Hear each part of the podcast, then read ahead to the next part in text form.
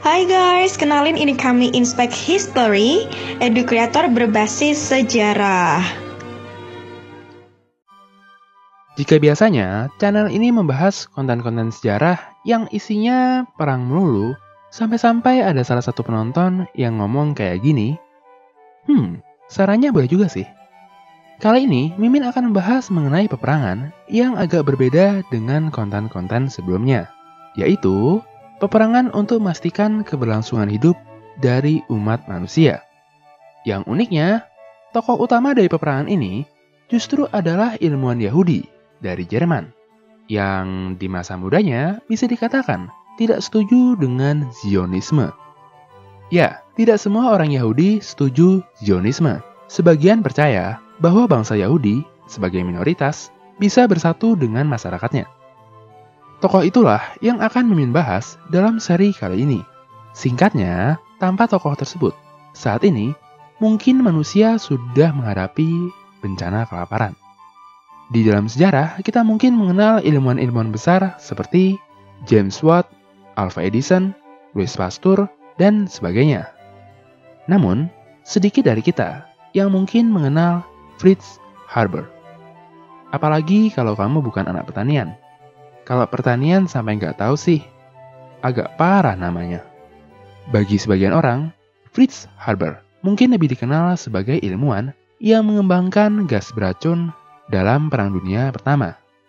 Sekalipun demikian, ia tetap dipilih sebagai pemenang dari hadiah Nobel. Mungkin kamu bertanya, apa nggak salah? Ngembangin gas beracun kok malah dapat hadiah Nobel? Penasaran? Masih ingin tahu? Sebelum itu, mohon di-subscribe dulu ya guys.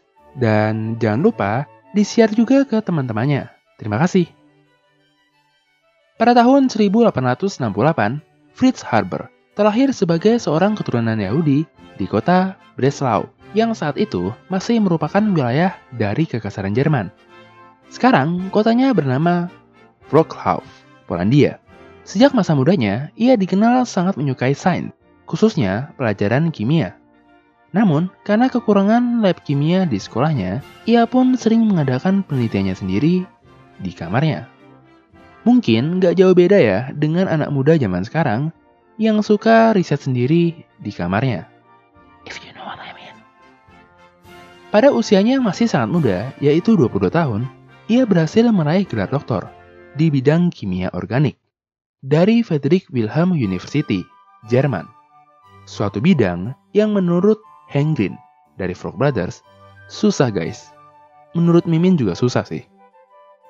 Hmm, seorang yang berhasil meraih gelar doktor bidang kimia di Jerman dengan predikat laude pada usianya yang masih 22 tahun. Disebut apa lagi ya? Kalau bukan jenius. Fritz kemudian menikah dengan seorang Yahudi lainnya, yang juga nggak kalah jenius. Gadis yang beruntung itu bernama Clara Immerwolf. Ia adalah wanita pertama di seluruh Jerman yang mendapat gelar doktor dalam bidang kimia dengan predikat laude. Hmm, mungkin banyak dari kita ya yang merasa pasangan ilmuwan jenius ini tentunya akan memiliki hidup yang bahagia. Kira-kira hal jenius apa yang akan mereka lakukan. Memasuki abad ke-20, manusia menghadapi ancaman serius yang terus menjadi bahan diskusi dari para ilmuwan saat itu. Mungkin kamu masih ingat dengan ahli demografi yang bernama Thomas Malthus. Ia meramalkan bahwa suatu hari nanti, di masa depan, krisis pangan pasti akan terjadi. Ia menjelaskan hal tersebut akan terjadi saat kapasitas produksi pangan tidak lagi mampu untuk memenuhi kebutuhan manusia yang jumlahnya terus meningkat dari waktu ke waktu. Menurut Malthus, solusi dari masalah tersebut adalah antara mengurangi jumlah kelahiran dengan alat kontrasepsi contohnya, atau meningkatkan jumlah kematian dengan perang, wabah penyakit, dan sebagainya. Pada tahun 1900 saja, jumlah manusia di dunia sudah mencapai 1,6 miliar orang. Agar mampu memenuhi kebutuhan mangannya, lahan-lahan pertanian yang ada harus terus berproduksi. Masalahnya, ketika lahan yang subur terus-menerus digunakan untuk kegiatan pertanian, maka tingkat kesuburannya juga akan berkurang. Demikian juga dengan kandungan nitrogennya. Nitrogen merupakan salah satu unsur hara terpenting bagi pertumbuhan tanaman.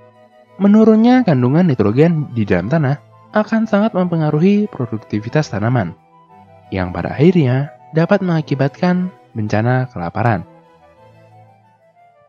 Berbagai negara di Eropa berusaha menyelesaikan masalah ini dengan mengimpor pupuk kotoran hewan dalam jumlah yang sangat besar.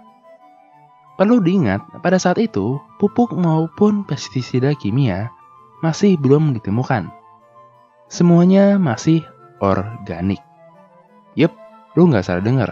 Saat itu, semuanya masih serba organik. Keberuntungan tak akan berpihak pada sebuah negara di Amerika Latin yang bernama Chili.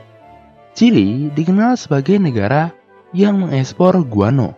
Guano adalah sejenis pupuk dari kotoran hewan yang terkenal kaya akan kandungan nitrogennya. Jadi, bisa dibayangkan, saat itu Ketahanan pangan dari negara maju sekalipun sangat bergantung pada impor kotoran hewan dari negara lainnya. Bagi mereka yang mempelajari pertanian, ketahanan pangan adalah hal yang sangat penting bagi setiap negara.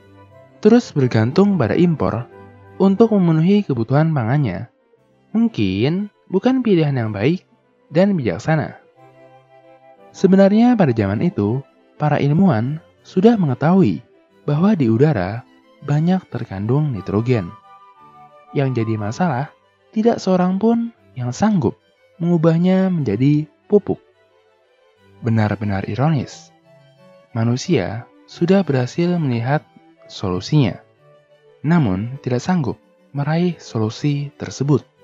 Bagaikan kata pepatah, tikus mati di lumbung padi. Namun, pada tahun 1908, itu semua berubah ketika seorang ilmuwan Jerman berhasil menerobosnya. Kira-kira bagaimana ya kisahnya?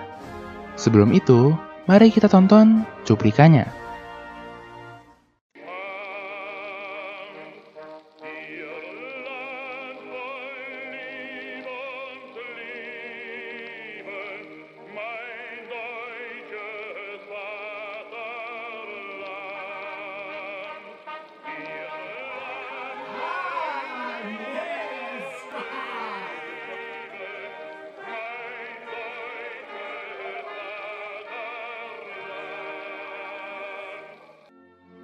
Hai, bantu kami dalam memproduksi lebih banyak konten sejarah dengan mengklik tombol subscribe.